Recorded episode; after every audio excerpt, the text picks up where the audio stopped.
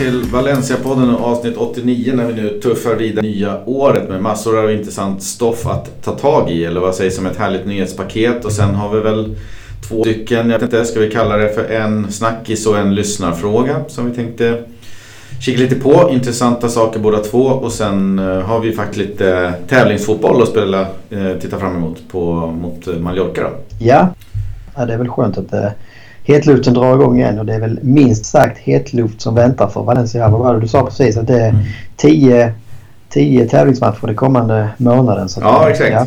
Det blir inte kalendermånad utan från och med Mallorca-matchens start som ju då blir 17 18 ja. och sen fram till 30 dagar senare så skulle det vara 10 matcher eller någonting så att eh, det är ja. absolut. och jag tror att den avslutas väl med första matchen i ja, åttondels... Eh, Just det, det kan ju stämma Atalanta. Mm, ja. Som går som tåget fortfarande. Ja. Ja, ja, vi hugger väl tag i nyheterna. Ni sitter väl här på, som på nålar och väntar på att få höra vad som har hänt. Eh, vi börjar med Ferran Torres då. Han är ju skadad. Eh, det var ju någonting som eh, han drog på sig på träning. Och där han gick sönder så sades det att han skulle vara borta ungefär en månad.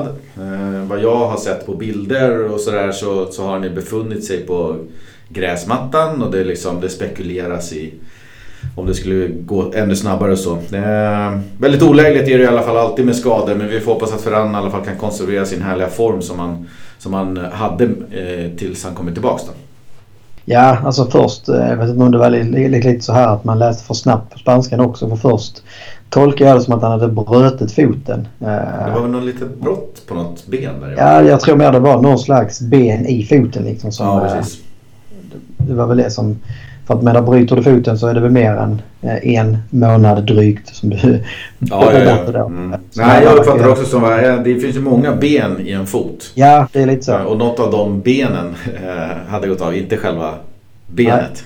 Det får man bara hoppas. Alltså man kommer ihåg, det var för mig att Vicente för många herrans år sedan åkte på något liknande. Mm. Och sen liksom, ja, han hade ju ganska svårt att ta sig tillbaka sen. Så man får bara hoppas liksom att det läker bra att det inte liksom kommer massa följdskador eller att det är någonting, något, något liksom bekymmer sen som, som aldrig riktigt, riktigt släpper för honom. Nej, Verkligen inte. Det har ju varit en uh, viktig pjäs i uh, Celades bygge där. Uh, ja. Sen så har vi jakten på högerback och jag vet inte, det är ju high season vad det gäller uh, silly season. Det finns så många rykten och, och snack och namn där ute som florerar. Men det är i alla fall, uh, verkar vara avskrivet med Cancelo då. Eh, Pep i City har ju valt att eh, starta portugisen lite mer på slutet. Och då vet jag att någon av matcherna har varit lite så här eh, roteringsmatch. Det är inte bara han som har fått luftas. Men, men det är inte den enda matchen han har spelat så vi får ju se. Där har det nog sagts liksom att nej tack, den dörren är nog stängd. Man har dessutom haft scouter i Frankrike för att spana in Yusuf Sabahy. Eh, han verkar dock inte imponerad då. Han var klappkass eh, första matchen och blev utbytt i 51 någonting. Och sen i den andra så var han skadad. så det har inte varit jättebra scoutingresa på den killen. eh, men man verkar i alla fall sikta in sig på ett lån vad det gäller högerback i vinterfönstret. Ja, nej, de här norska eller danska namnen verkar ha mm. igen. Det, vad man kunde förstå på norsk-danska eh, Valencia-Twitter så var det väl lika bra det. Eh, mm. Man var inte så glad över, över de ryktena. Eh, det var väl mer... Det hade varit kul liksom ännu fler. Eh, Daniel Wass kunde få liksom lite, lite sällskap av någon svensk eller någon norsk. Det hade varit, det hade varit kul. Ja, verkligen. Eh, vi kan väl slänga upp den här mittbacken Benoit Badachile också från Monaco som jag tycker det är riktigt spännande. Uh, har varit liksom ordinarie och gjort det bra nu när Monaco i alla fall lite har gjort en comeback efter ett katastrofalt fjolår. Uh, han signade ganska nyligen ett nytt kontrakt uh, till 2024 och prislappen ska ligga på närmare 25. Uh, eh, så jag vet inte. Det finns rapporter om att Valencia, ha, eller Valencia ska ha varit på plats och kollat.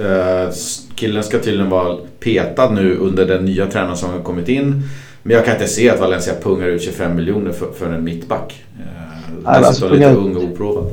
Precis, punga ut 25 miljoner för ett äh, namn som är, jag tror liksom för 9 av 10 minst där ute helt okänt. Mm. Äh, som inte liksom är helt ordinarie eller grym i Monaco i franska ligan. Det känns liksom som, som hål i huvudet. Äh, samtidigt har det varit en spelare som också varit ryktade till flera storklubbar så att det är liksom någon, en talang som många har liksom på radarn på något sätt. Men mm.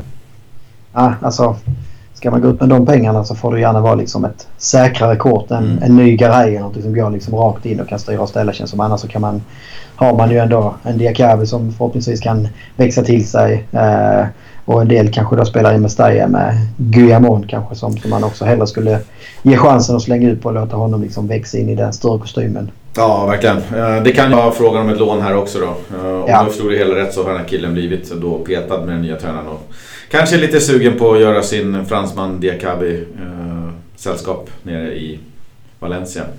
Sen kan vi prata lite om Garay då. Det var ju en resa till Singapore här. Eh, Anil Murti åkte dit och så får de ju reda på vilken eh, budget de har att röra sig med i vinterfönstret. Och där ska Lim ha då gett grönt ljus till förlängningen av Garays kontrakt med 1 plus 1.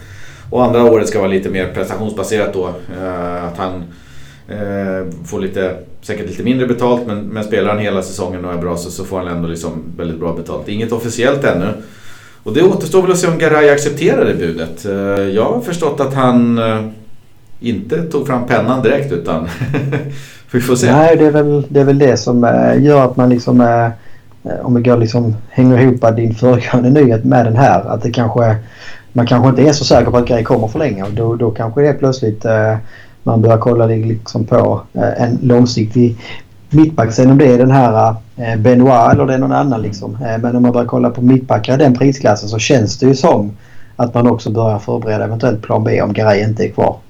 Ja, för han är ju också då fri att förhandla med andra klubbar i och med att han har bara, vad jag förstår, ett halvår kvar på sitt kontrakt. Så att det, det kan ju vara så att det har slagits att det har kommit in lite signaler till hans eh, agent om andra klubbars intresse och att han då funderar. Eh, mm. Han har ju inte så många år kvar på sitt kontrakt och kan han få någon, någon fet lön någon annanstans så kanske det lockar, vad vet jag. Precis, nej men det är väl så alltså när han börjar komma upp i hans ålder. Han är ju ändå ett etablerat namn i fotbollsvärlden mm. liksom, så det är väl inte alls eh, oväntat eller någonting om, om det är turkiska klubbar eller liksom eh, klubbar i andra mer exotiska länder som, som erbjuder honom liksom helt andra lönesummor kanske. Eh, och att han då känner att nej men nu har jag kanske två år som jag kan casha in på här. Eh, så att, eh, det ser jag fram emot, en ny sån här härlig Come to Besiktas film med Garay. Precis. ja, de är roliga.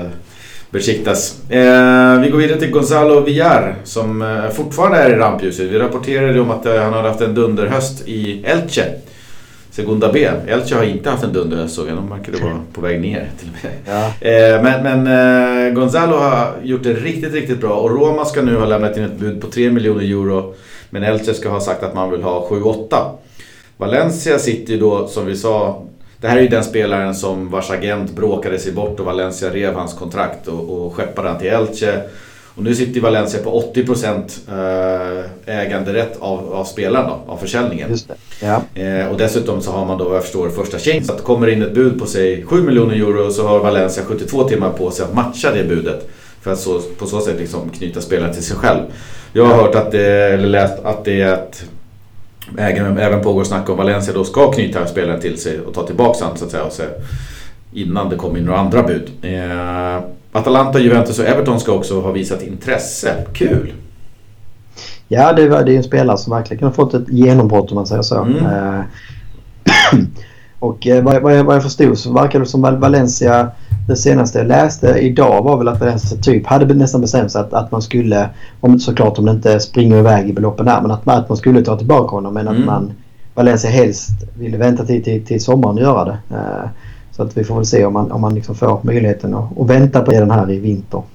Ja, jag vet inte. Kommer in på, på, på 7 miljoner euro. Det är inte jättestor summa som hamnar hos Elche. Även fast det är mycket för en Segunda B-klubb liksom att få ja, ja. vad blir det? Det är väl du som är matematiker. Men en och en halv miljon euro kanske i runda slängar. Eh, om, om de släpper han för tre, vad är det? 600 000 liksom? Eller sånt, ja. Så att, eh, ja, det blir spännande att följa. Det verkar ju vara en spelare i alla fall som, som Valencia och andra klubbar värderar eh, oerhört högt. 21 år. Ja. Den har jag inte riktigt fattat. Det är alltså så här nu att Valencia att det kommer ett bud på 7 miljoner eh, från Everton säger vi. Mm.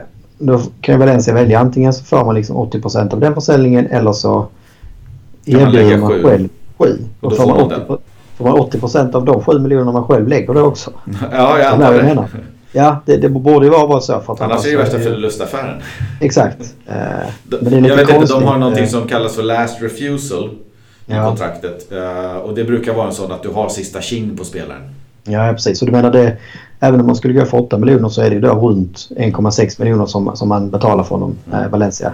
Och då borde det ju vara liksom en no-brainer. Om man, om man liksom också ser att det är så, så pass stora klubbar som ser potentialen i honom och att själv kan man chansvarva honom för en och en halv miljon euro eh, när kanske då andra klubbar är beredda att betala 8 för honom så känns det ju som om man, om man så bara köper honom på rent ekonomisk chansning så att säga. Att, eh, vi tar hem honom och så säljer vi honom för 8 istället själva eh, till hösten eller något om det liksom inte flyger.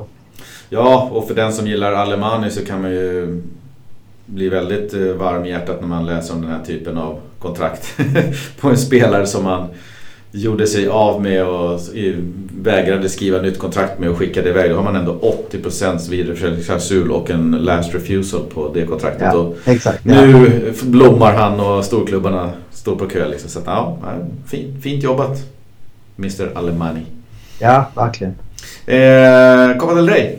Regerande ja. mästarna går in Precis. i lottningen. Eller går in det var ju, det var ju full omgång här i helgen. Det var ju därför mm. det var lite ligauppehåll. Eh, Valencia slapp ju den här första omgången. Eh, det är väl de bästa lagen i spanska ligan så att säga. Antar jag man går efter. Jag vet inte om man går efter ligaplacering eller om man går efter hur långt man gick i Copan i fjol. Eh, I vilket fall så var ju Valencia och övriga eh, lite större klubbar så att säga eh, fria denna helgen. Det var ju en del, del skrällar. Den stora skrällen var väl eh, som var lite rolig, eller både rolig och icke rolig kanske. Det var ett Getafe åkte ut mot Badalona. Det var roligt. Så det blev, det blev ingen, eh, ingen ny klassisk Copa del Rey-match mot Getafe denna säsongen. Så mm. det var väl tråkigt. Sen att eh, Getafe åkte ut var kanske lite roligt. Ja. Men lottningen var ju då idag va? Eller var det igår? Kommer inte ihåg. Eh, det var nog igår. Valencia ställs då mot eh, Logroñez. Vilket inte säger så mycket kanske. Eh, det första som poppade upp i mitt huvud var ju att man mötte de här också 2010.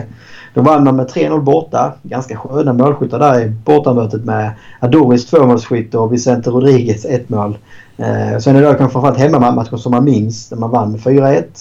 Eh, och det var en viss Isco eh, som kanske fick sitt stora genombrott i seniorfotbollen när han gjorde två mål. Eh, Paco Alcacer debuterade också i samma match.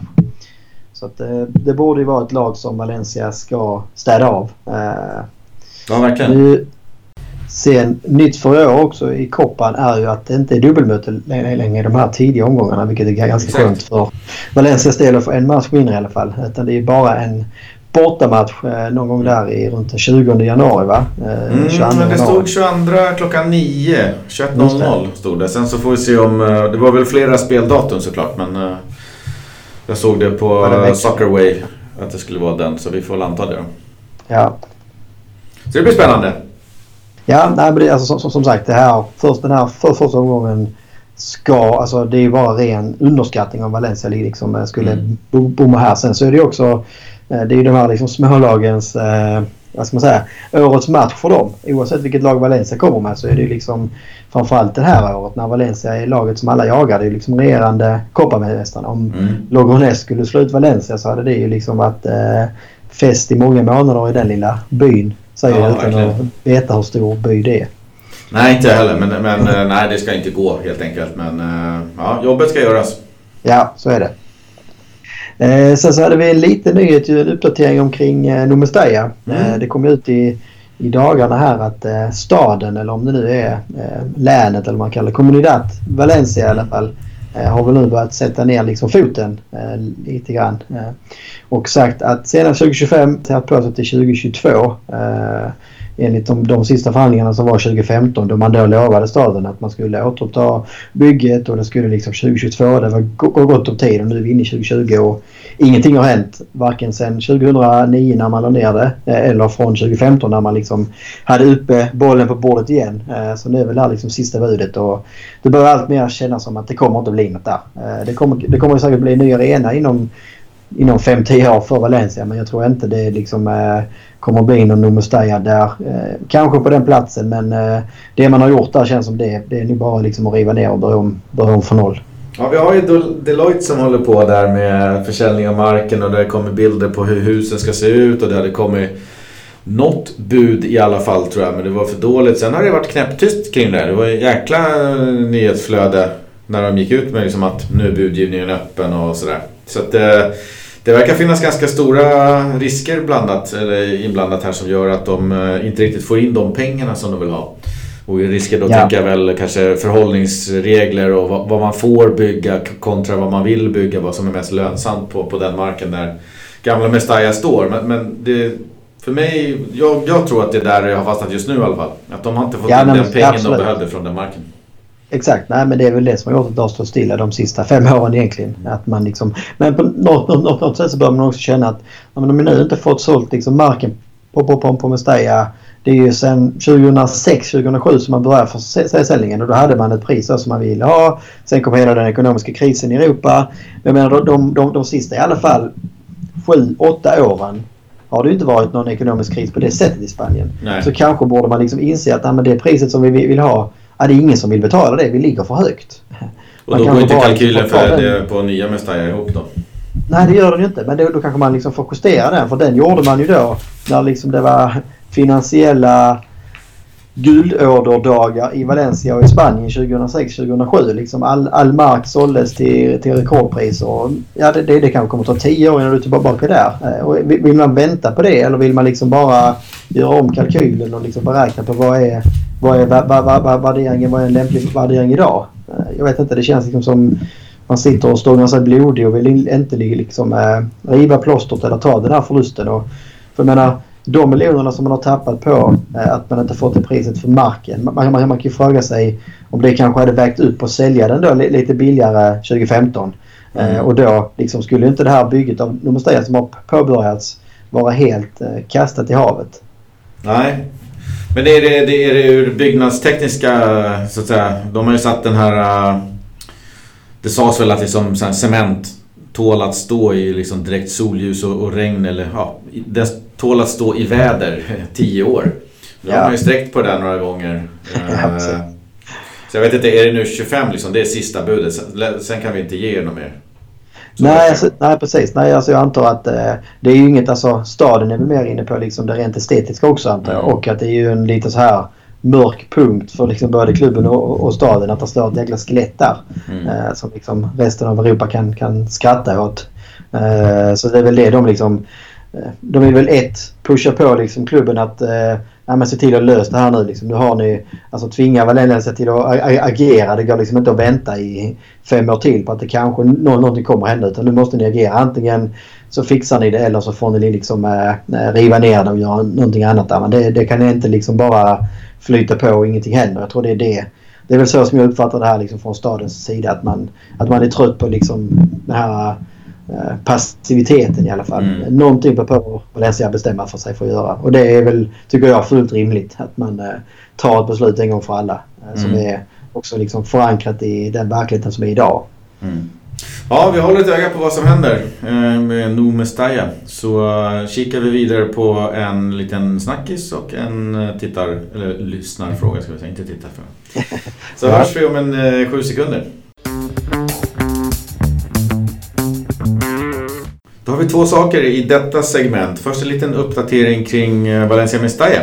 Som kanske inte alla följer så slaviskt och eh, om sanningen ska fram, inte vi heller.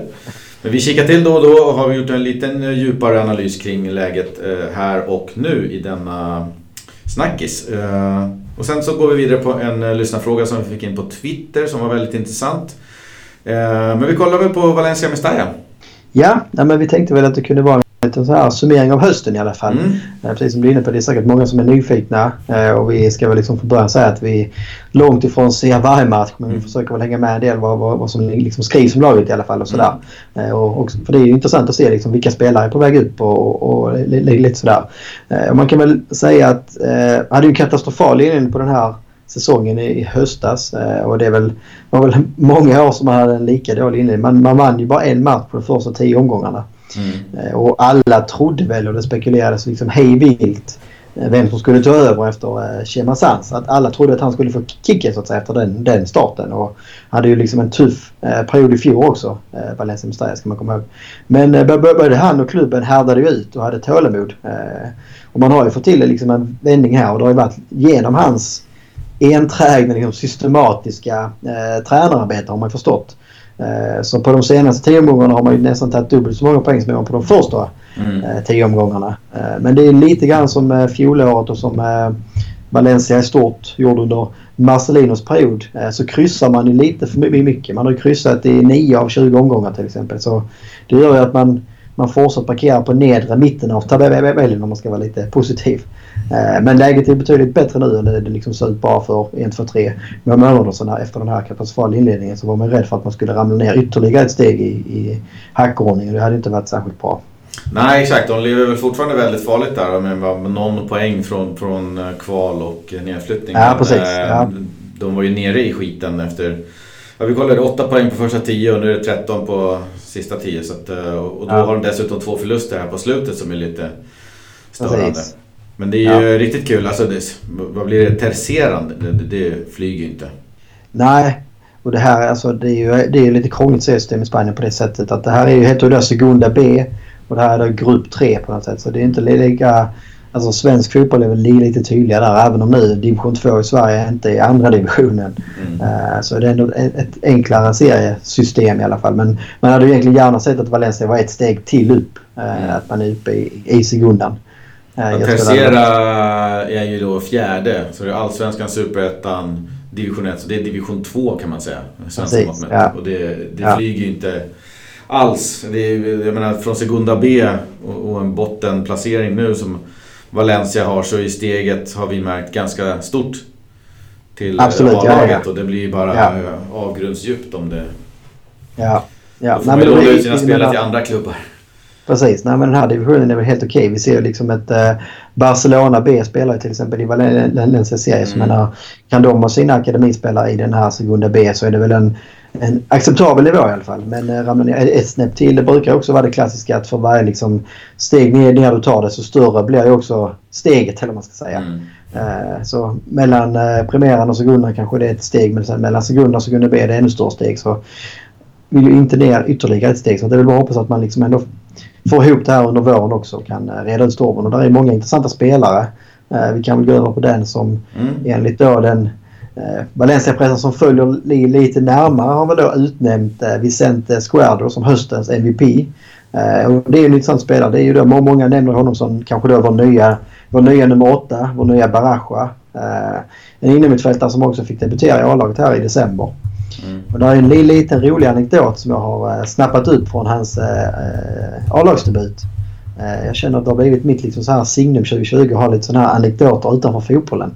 Mm. Eh, vi hade ju Chimia Villas eh, livsöde sist och i denna gången blir det Squares eh, debutdygn eh, kan man väl säga. Nej, men det vanliga är väl liksom när man har, när man har liksom nått, det är väl liksom ett av de stora delmålen för de här spelarna liksom att få göra A-lagsdebut i, eh, i La Liga såklart. Och det, det normala är kanske då att man, man, man, man tar liksom kvällen och firar det med sin familj och kanske med vänner och man kanske går ut och äter någon fin middag och liksom njuter av stunden på något sätt. Men det då. Eh, direkt efter slutsignalen ringde han istället eh, till eh, Mestalla-tränarstaben. Sa att han liksom kände sig sugen, vill vara med dagen efter när det var dags för match tvingas sen då med Mestalla fystränaren sätta sig i bilen och köra honom de här 431 kilometerna enkel väg. Mm. Eh, kommer fram till hotellet eh, tre på den här natten, no, någonting sånt. Eh, får sex timmars sömn. Sen går han ut och liksom levererar 90 minuter dagen efter. Det tycker jag liksom hedrar honom och visar liksom vilken attityd och inställning som, som den här killen har till fotbollen. Ja, verkligen. Sånt där är alltid kul att höra. Med folk som lägger ner liv och själ och verkligen ger allt för att liksom få maxprestation. Ja, no, det är så, framförallt kanske nu.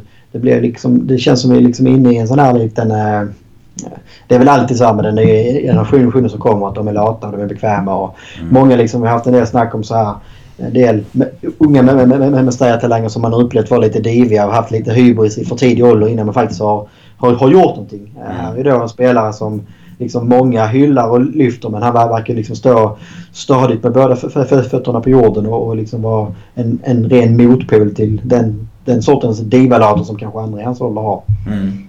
Ja, vad har vi fler för spelare? Höstens genombrott har man då också liksom utnämnt. Uh, Hugo Guillamon fick det priset och uh, det är väl fullt förståeligt. Han har ju verkligen liksom tagit ytterligare steg i sin uh, utveckling som mittback. Uh, han var ju liksom redan i fjol ett stort utropstecken och har väl liksom i år gått in och varit en riktig stöttepelare i det här med, med, med, med Framförallt under andra halvan när man mm. har ryckt upp sig. Eh, så det känns ju som att han, han borde liksom vara en av de som knackar på dörren för ett A-lagskontrakt kommande säsong kanske. Dock ska man liksom en liten varningssignal som ringer här det är ju att hans nuvarande kontrakt med klubben alltså totalt sett går ut i sommaren.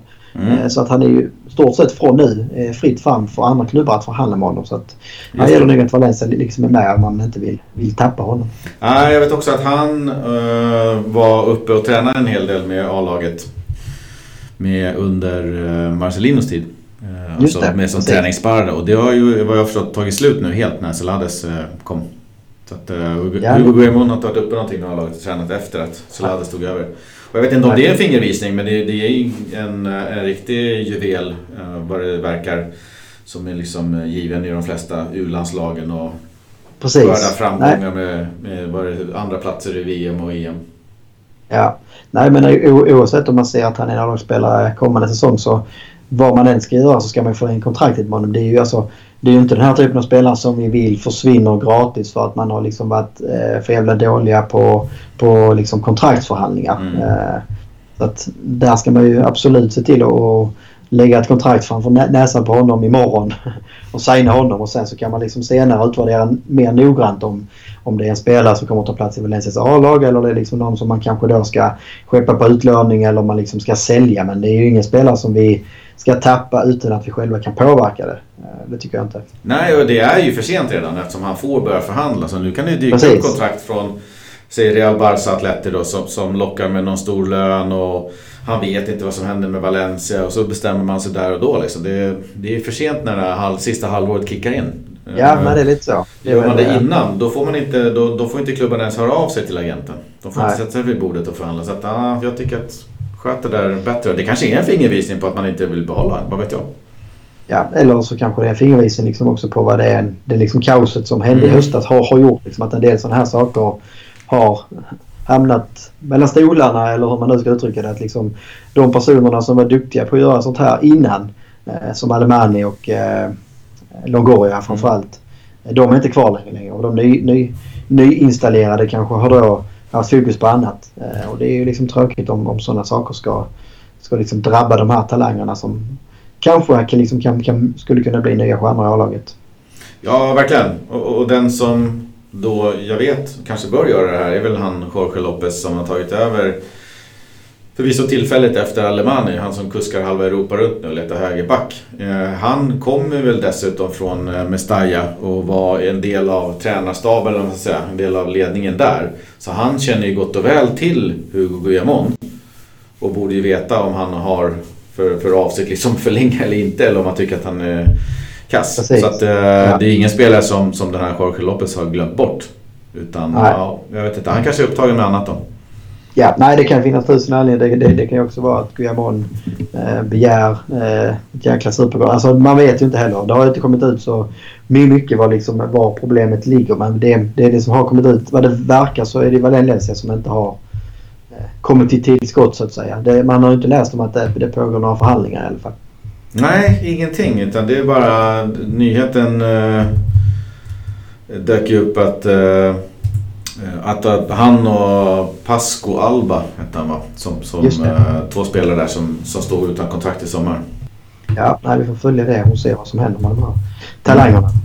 Ja, det finns ju verkligen ett antal spännande spelare i laget. Eh, vi pratade i förra avsnittet om Jordi Escobar och hur han hade hamnat i frysboxen. Han fick faktiskt hoppa in för två matcher sen och förra matchen fick han starta. Så att någonting kanske har hänt där också efter det samtalet som han tog med Valencia om, om situationen. Då. Eh, kul, för det verkar ja. vara en eh, framtidsman. Ja, men det finns mycket, som, mycket i honom som skulle kunna explodera förhoppningsvis. Ja, sen så är jag lite så speciellt intresserad av de här två som kom i, i eh, somras. Eh, Koba Koindredi, eh, 18-årig mittfältare där från eh, Frankrike och så har du ju Yunus Musa från Arsenal som eh, kom med väldigt höga lovord från deras akademi. Eh, båda verkar ju spela ungefär hälften av matcherna. Eh, och jag vet att det cirkulerade någon video på Coindredi när han tryckte dit något långskott som var riktigt bra tryck i. Så att, det. Ja. det. är väldigt mycket talang. Kollar man på truppen så det är 18-19-åringar, 17-åringar mestadels. Liksom. Det är väldigt många unga. Och med de, de som liksom man har sett varit uppe och vänt och gjort något inne på sådär A-laget. Liksom, det har ju, det har, jag, jag tycker det liksom har sett spännande ut. Det liksom, mm. Så det borde ju ändå vara, även om nu liksom säger att Segunda B inte är så hög nivå så känns det ändå som att det måste vara hyfsat hög nivå eftersom det är många talangfulla spelare och ändå så ligger man på en femtonde plats eller vad, vad, vad man mm. gör. Så att, ja, det känns som att det borde finnas en uppsida för, för hela laget om man kan liksom få kräma ur max av alla de här spelarna. Ja, vi håller tummarna för Schema Sands och att han får vidare fart på det så att det i alla fall blir ett säkrat kontrakt till slut. Ja. Så vänder vi på bladet och går till eh, lyssnarfrågan. Vi fick en del lyssnarfrågor från eh, David71 på Twitter och tänkte givetvis ta tag i den så gott vi kan. Det handlar egentligen om skadorna i Valencia och vad som kan tänkas ligga bakom. Och då tänkte jag att jag läser upp dem. Eh, den som han skrev. Jag har en liten fråga som ni gärna får ta upp. Eh, hela hösten har ju varit nästan osannolikt mycket skador. Vad tror ni är den viktigaste orsaken? Förra säsongens hårda, match, hårda matchande eller? Eh, eller är det Celades orutin att matcha klubblag med roteringar? Och hur ser det egentligen ut med det fysiska teamet och läkarteamet runt laget? Eh, det var ju många som fick gå i samband med Marcelino Gate och hur har man egentligen ersatt och vilka är kvar? Det var många och det var, det var bra frågor tyckte jag. Ja, verkligen. Ja, det var väldigt intressant och vi har, vi har sådär kort innan eh, swishat förbi den här punkten på något sätt. Så att, eh, jag tyckte det, det passar också bra i ett sånt här avsnitt där vi har lite mer tid att gräva på sådana här grejer och, och, och liksom ja, men, gräva lite, lite djupare. Och jag hittade lite fakta omkring det här. Eh, för att det är väl mm. fler än vi och fler än David som uppenbarligen då hade uppmärksammat det här. Att det känns som att vi har haft många skador här sedan Celades kom in framförallt kanske. Nej, det ska vi också säga att ingen av oss är någon expert i ämnet ja, med, med, fysik och idrottsrelaterade skador. Så vi, vi ger ju gladeligen våra åsikter och vad vi tror och vad vi hoppas eh, i ämnet då. Precis. Ja, nej, vi är hobbyläkare och hobbyfysiker. Ja, precis. Ja. Nej, men det, det lite intressant fakta omkring det här var ju då att eh, 19 spelare har någon gång gått skadade sedan då mm. Kom in i höstas. Det är bara fem spelare i truppen som har hållit sig helt skadefria, eh, vilket känns ganska sjukt. Eh, det är Danny Parejo, Vaz, Gabriel, Jaume och eh, Thiago Correira. Det är jäkla också, skönt att Correira har varit skadefri. Ja, precis. Jaume har kanske eh, det är inte så konstigt att de håller sig skadefria så att säga. De har inte spelat så mycket. Men det, det som är lite grann intressant i det här det är att Parejo har spelat 90 minuter i varje match. Förutom premiären, då var han avstängd. Mm. Vass har spelat 90 minuter i samtliga matcher förutom eh, bortamatch mot Getafe där han blev utbytt. Eh, och det var ju lite grann samma som vi såg i fjol. Så det är ju det är en del grejer som så här eh, är motsägelsefulla på något sätt. Eh, som gör att det liksom också är svårt att hitta någon tydlig röd tråd varför vi har haft så många skador. Eh, och sen tycker jag också att man liksom får lite grann får man ju skilja på rena muskelskador och då man så alltså kontaktskador. när det är någon smäll på träning. Som till exempel Ferrans skada. Ja men där, den skadan det är, liksom, det är sånt som händer. Någon gång så blir det liksom inom träning att någon går in för hårt eller att du har otur och mm. kan vricka foten. Du, du kan få en smäll på träning. De, Eh, de, de, de kommer man aldrig ifrån och att det blir fler sådana då är det mer att man liksom får se över totalt sett kanske då hur man tränar eller hur man går in i situationer om det nu är på träningen man skadar sig. Men att just problemet med de muskulära skadorna som Valencia haft under hösten det hoppas jag också att man själva liksom utreder och försöker komma fram till vad det kan vara. För det är egentligen bara Valencias egna team som skulle kunna skulle kunna få till en bra slutsats. Alltså, vi kan spekulera allt ifrån att det är eh, för dålig försäsong och med för dålig försäsong så menar jag både att det kan ha varit för tuff försäsong och för för, liksom, eh, för flat försäsong. Eh, det skulle kunna vara att man eh, inte har kunnat rotera så mycket spelare och fått gå runt på vissa spelare. Där är väl då Parejo liksom och vass. Antingen är det undantagen som bekräftar regeln mm. eller så är de liksom undantagen som säger att nej men det är inte därför. och det vi var inne på lite, lite kort från början det är väl att Celades har också haft lite osis i det här för det var ju liksom ganska tidigt när han kom in eh, som skadorna började hända. Eh, och det, det kan ju liksom det kan vi omöjligt lägga på honom att en spelare inom hans två första veckor börjar gå sönder. Mm. Jag tror det är liksom inte det är så att han har ändrat träningarna så pass eh, rejält. Alltså, det enda det skulle, skulle kunna vara det är om han har lagt in så här fem timmars träningspass innan match. Det är ju osannolikt. Eh, men det, då, då, då blir det ju också från början ett moment 22 eller en negativ spiral för honom. För att det, han har liksom en mindre trupp att jobba med, med från början när det är en del skador. Det gör att han behöver spela samma spelare om och om igen. Kan inte rotera så som man kanske hade kunnat göra med en helt skadefri trupp. Efter ett tag sliter han då ut vissa spelare så han får ännu mer skador. Det är ännu färre spelare han tvingas gå runt på. Så kommer du in i, liksom, i den snurran så är det jäkligt svårt att komma ur det förrän den dagen du liksom har en tillräckligt stor skadefri trupp att kunna rotera på. Mm. Så att, ja, jag har liksom svårt att jag har svårt att sätta fingret. Jag, jag, jag har ju sagt innan och det är fortfarande tror jag att en del i det ligger kanske i att eh, Celades både har liksom haft problem att hitta rätt i sina roteringar. Han har inte haft den erfarenheten sedan innan. Eh, han kom också liksom in i ett läge där han kanske inte heller kände att han hade råd att experimentera särskilt mycket. Utan han eh, hittade ganska snabbt liksom eh, 12-13 spelare som han liksom tyckte var de bästa och han kände liksom att han behövde få med sig resultat snabbt. Så han spelade dem så ofta som möjligt. Jag kan köpa det. Eh, sen så, ja, liksom ska, ska han liksom lyckas över en längre period i en klubb som Valencia där man ska kriga liksom på tre fronter och där man nästan varje vecka i stort sett under hösten har eh, dubbelmatcher så mm. behöver man ju hitta eh, både kanske en bredare trupp men också liksom något sätt att rotera spelarna på. Ja, man kan reflektera över ett antal grejer och det är att det är inte Selades försäsong som, som de har i kroppen när de går in i den här. Vilket ju gör att jag har i alla fall svårt att lasta, lägga någon större grej på just eh, Selades. Eh, eh, I och med att det var ganska mycket skador och det har liksom fortsatt så, så har han ju verkligen fått gå på hörntänderna med truppen hela tiden när det var tufft matchande. Eh, jag har ingen aning om vilken typ av eh, försäsongsträning eller uppladdning han och hans läkarteam skulle ha lagt upp om de hade börjat i somras istället. Så Nej. det är väl det ena. Och det andra är ju att eh, eh, vi kikar lite på vilka som finns i den här staben. Och, och Marcelino när han kom, det är ju en etablerad La Liga-tränare som, som satte sitt paket på plats. Det var ju den här ja. Ismail Fernandes. Sen hade han ju Dr. Maestro uppe i Baskien som, som undersökte alla skador. Eh, och det var den här Alberto Torres som, som skötte den senare delen av rehaben och två, tre personer till eh, som ingick i Marcelinos stab. Det har ju inte Celades. Uh, han kommer ju egentligen med, jämfört med Marcelino, en otroligt bantad ett otroligt bantat fysteam uh, på så sätt. Så att hans, ja. hans gäng som han kom med, det var väl tre pers. Det var ju andra tränaren som jag inte minns vad han heter och det var ju Javier Mignano som är då fystränare och sen så var det Celades själv. Så jag vet inte, de har bytt den här äh, Dr. Maestro upp i Basken mot en lokal läkare i Valencia. Jag kan inte tänka mig att det blev kanske så mycket sämre. Äh, det är närmare om inte annat, slippa flyga till Basken så fort man är skadad. Så att äh, dels så är det inte hans försäsong, vilket jag jag inbillar mig att det ligger väldigt mycket i, i skadesituationen i hur man lägger upp försäsongen och hur man bygger upp muskler och kondition och, och kropp sådär. Uh, så att uh, det är väl det ena och sen så att hans stab är nog otroligt bantad.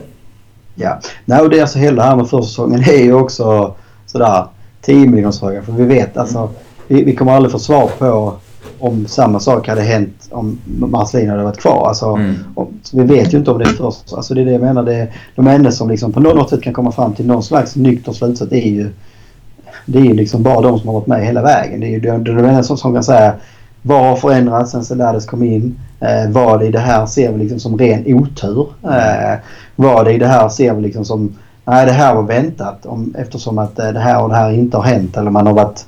Eh, alltså det är alltifrån att man har blivit eh, sämre på, på liksom, eh, dagen efter träning. Eh, det pratar ju många om idag liksom att så pass hårt som elitspelare matchas idag så är ju liksom rehab och återhämtning mm. det, är ju, det är viktigare än träningen idag. Eh, det, det, kan finnas tusen sådana saker som liksom har förändrats. Så det, alltså jag tror många saker som förändras Eh, om man förändrar det liksom över natt med en tränare så tror jag att så här på kort sikt så kan man nog få skador för det. Sen på längre sikt så kommer kropparna vänja sig vid det nya arbetssättet. Mm. Eh, men det är på det sättet kanske inte då oväntat om man också går från en... Marcelino har ju liksom varit tydligt en extrem fystränare och det menar inte bara liksom hård utan han har liksom haft extrem koll på allting. Alltså han har varit besatt med så här av vikter, av återhämtning, av att äta rätt, sova rätt. Mm. Allting sånt här har han liksom varit helt liksom eh, eh, ja, extrem på så att säga. Mm. Eh, och Celades, alltså jag tror inte Celades alls är på den, den nivån. Eh, och har nu liksom Marcelino drillat den här truppen i två år på det, det sättet. Alltså, träna hårt men samtidigt liksom vara noga med de här andra grejerna. Börjar man då tumma på en del av grejerna så säger jag inte att någonting är rätt eller fel. Jag tror bara det att det kan bli liksom en chock för, mm. för, för, för kropparna liksom, som gör att man då plötsligt drar på sig sådana här eh, muskelskador. Det skulle kunna vara en förklaring. Eh, och det, det, på det, med det menar jag inte liksom att Celades har gjort något fel. Utan bara det, nej, det kan bli naturligt för man kanske inte tänkt på det från början. Att nu, nu kommer det liksom komma en stor förändring här i, i sättet som man ser på fysträning och återhämtning. Ja, så är det. Uh, och dessutom så vet jag att det fanns ju perioder under Marcelino också där det var mycket skador och vi satt ja. vid exakt samma funderingar. Tränar de fel? Jobbar de fel? Stretchar de fel och så vidare. Och, och nu är det ju långt ifrån någon typ av uh, kvantfysik att veta att det, mesta, eller återhämtning, liksom, de sitter ju i isbad och har sådana här luftbrallor. Och jag är helt övertygad om att Valencia som klubb, att det finns liksom en stab runt omkring som, och en infrastruktur med liksom möjligheter runt omkring. Att Valencia gör det liksom i stort sett på samma sätt som andra klubbar gör. Eh, så Lades ja. att ah, men vi skiter i isbaden, vi jobbar nej, lite istället. Så att alla de där äh, hygienfaktorerna man ska säga, men normala grejer, det gör ju Valencia. Det är jag helt eh, övertygad om. Och dessutom om man kollar då på den ansvariga fystränaren då som är Javier Mignano så är det ju en väldigt rutinerad man när det kommer till yrket som han har. Han var ju 17 år under Vicente del Bosque på olika ställen som fystränare då. Började i Real Madrid eh, och då var det först då juniorlaget länge, länge. Sen var det fyra år med Bosque i A-laget. De följdes ju åt där och sen så gick de till Besiktas och sen var han ju 10-11 år tror jag till och med i spanska landslaget eh, tillsammans med eh, Vicente del Bosque till en stor del där. då så jag menar det är ju en, en man som, som absolut har både liksom fått in storspelare från alla Spaniens hörn och hört hur de vill jobba, vad som hjälper dem och hur, vad som funkar för dem. För alla kroppar är olika. Så att erfarenhet, rutin kring hur, hur man ska träna, hur man bygger upp och hur man eh, liksom tar hand om kroppen efter match. Det, det, allt det där är jag helt övertygad om att han har.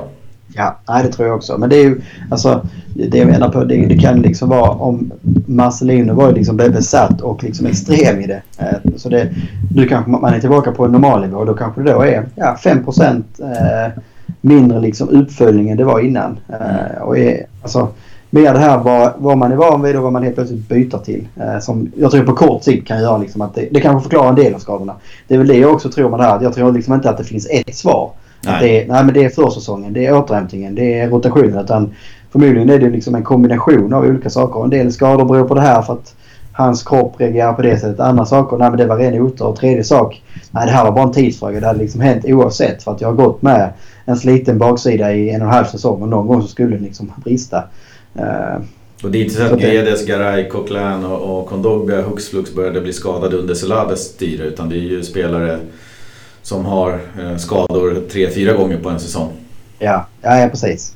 Och de har ju liksom besvär med ljumskar och, och muskler. Eh, alla tre har det visat sig och i viss mån kanske också Rodrigo och Chiryshev hade med något, var det hjärtat och någon, han lite konstiga skador. Men det finns ju spelare som har varit skadade under Celades som även har varit skadade under Marcelino och kanske hela sina karriärer. Då.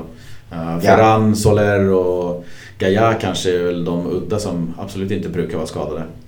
Och sen får man väl också liksom se en hel säsong. Men skulle vi komma mm. nu till en vår där vi nästan helt förskonade av skador så kanske det jämnar ut sig. Så det kan ju vara att vi är grymt liksom eh, förföljda av skador under hösten men sen under våren så blir det tvärtom. Alltså, en del säsonger är det jämnt, jämnt utfördelat över säsongen. Andra gånger har liksom en del lag ingenting på hösten och sen så kommer man massa skit på våren. Så, eh, det är väl det man också får med i beräkningen. Liksom att, eh, kanske var liksom många saker som eh, det blev någon slags perfect storm under hösten som gjorde att vi fick många, många skador samtidigt. Eh, men eh, jag, jag blir liksom hellre glad då att, att man kan få tillbaka och ha liksom en lite mer tur med sådana saker under våren när allting ska avgöras på något vis. Ja, tur och oturen är väl ändå att uh, Vass och Parejo, nu kanske inte Vass är den bästa spelaren men han är sannerligen en av de viktigaste. I och med att han kan spela ja. på alla platser och sen så Parejo är väl den bästa vi har liksom så. Eh, skador av och till på dem skulle ju vara jättejobbiga. Ja, nej men det är väl nu eh, om vi, när vi börjar kolla liksom inför kommande matcher och sådär så är det många offensiva spelare som är borta. Det är väl det som liksom oroar nu. Eh, så att ja, det är lite att tänka på för den gode Celades.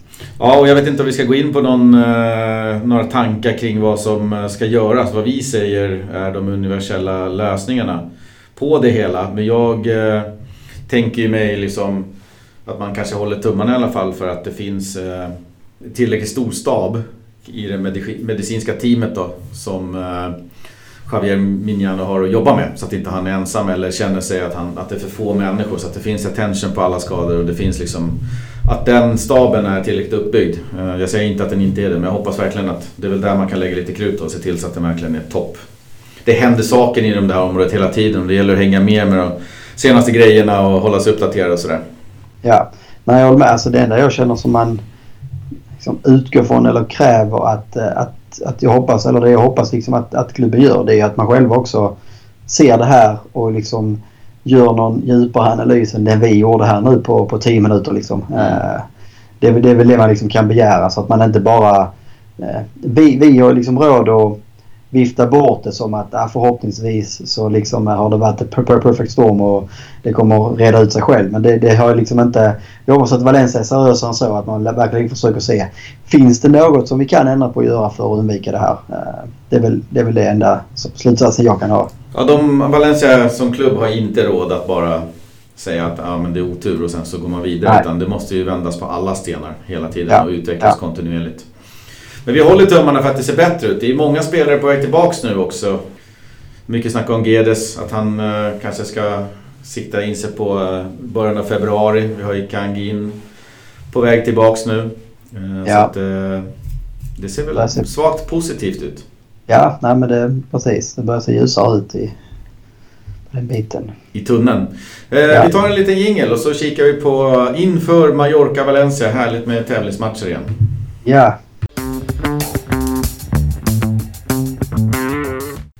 Härlig lunchmatch då, då klockan 12 på söndag. Mallorca borta. Lär vara härlig zon på Mallis. Tre viktiga poäng som vanligt när Valencia återvänder till hetluften. Och den stora frågan är väl hur Celades då ämnar att ställa upp offensivt när Gedes, Rodrigo, Ferran och Vallejo saknas. Eh, dock ska ju nu Kangin Lee finnas åtminstone tillgänglig. Sen om man anser att han är i matchform eller inte återstår att se. Vad säger vi?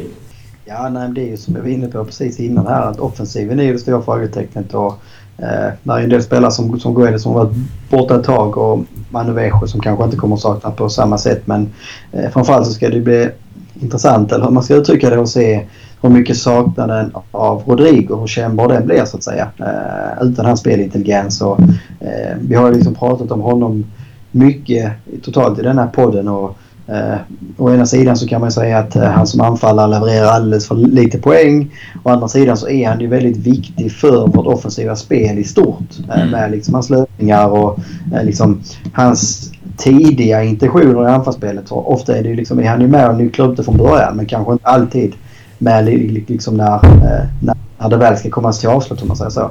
Eh, och sen såklart är det ju Ferran är ju den som i många matcher varit vår bästa offensiva spelare. Så det är liksom ett tungt avbrott att tappa honom i den formen han varit i. Ja, mycket av leveransen har ju stått mellan Ferran och eh, Rodrigo, själva uppspelen där och, och så. Så att, eh, ja, jag tror att eh, avsaknaden av Rodrigo blir intressant att se. Tyvärr så misstänker jag att den kan bli ganska stor. Däremot så tycker jag att i Maxi Gomez, alltså vi har ju en striker som kan göra mål ur alla lägen när som helst i en match känns det som. Precis. Så, så den, och den har vi ju kvar. Ja, det gäller bara att han får liksom rätt bollar att jobba på. Eller hur man ska uttrycka det. Mm. Eh, men, det, men som, som du säger, det är fortfarande eh, en del intressanta spelare kvar. Så det är ju nu man också märker att eh, Valencia börjar få en hyfsat bred trupp. Man säger så. Alltså, Rodrigo, Guedes, Ferran borta. Det liksom är tre normalt sett givna och nästan liksom referensspelarna i anfallsspelet. Ändå så får vi, kan vi skapa ihop en, en eh, helt okej okay startelva och liksom eh, bänkspelare som, som kan eh, komma in och göra skillnad. Nej, och det blir ju, det kan ju tänkas då att eh, Jaume eller Sillisen, ja, jag tycker Jaume har väl spelat till sin plats. Jag kan tänka mig att backlinjen ser väl relativt likadan ut och centralt mittfält likaså. Anfall över Maxi Gamero. Det är väl kanterna där. Ska Soler hitta tillbaks till sin, sin ska vi säga, högerkant som ja. han har varit på ett tag och man petar in en Cheryshev eller mixar man det på något sätt? Ja precis. Nej, det, det, alltså, de flesta positionerna är väl hyfsat klara. Det är ju, det är ju kantspelet. Alltså, vänsterbacken är väl klar. Sen är det då frågan om man flyttar över Soler på högerkanten och tar in en Cheryshev till vänster för att göra det enkelt. Eh, ett alternativ skulle kunna vara att flytta upp liksom Vass på yttermittfältet igen och ta in kanske Correira som högerback och låta Soler fortsätta till vänster. Uh, det kan ju vara så man börjar kanske för att slänga in en Cherichev en bit in då och då får ja. gå över. Precis, för Cherichev startade här nere i, uh, i den här träningsmatchen under för förra veckan och mm. uh, det, det gick inte superbra varken för honom eller laget och jag vet inte riktigt om han är redo för liksom, startplats i ligan och det är väl där som de största bekymret kanske är. nästa bekymmer som man har är väl då mittbacksplatsen där Garay återigen är tveksam. Eh, jag har fått någon liten smäll på träningen igår. Tisdag, tränar inte idag onsdag. Eh, och eh, inte heller då kanske den liksom, självklar ersättaren för honom i Diakabi. Tränar inte heller idag onsdag.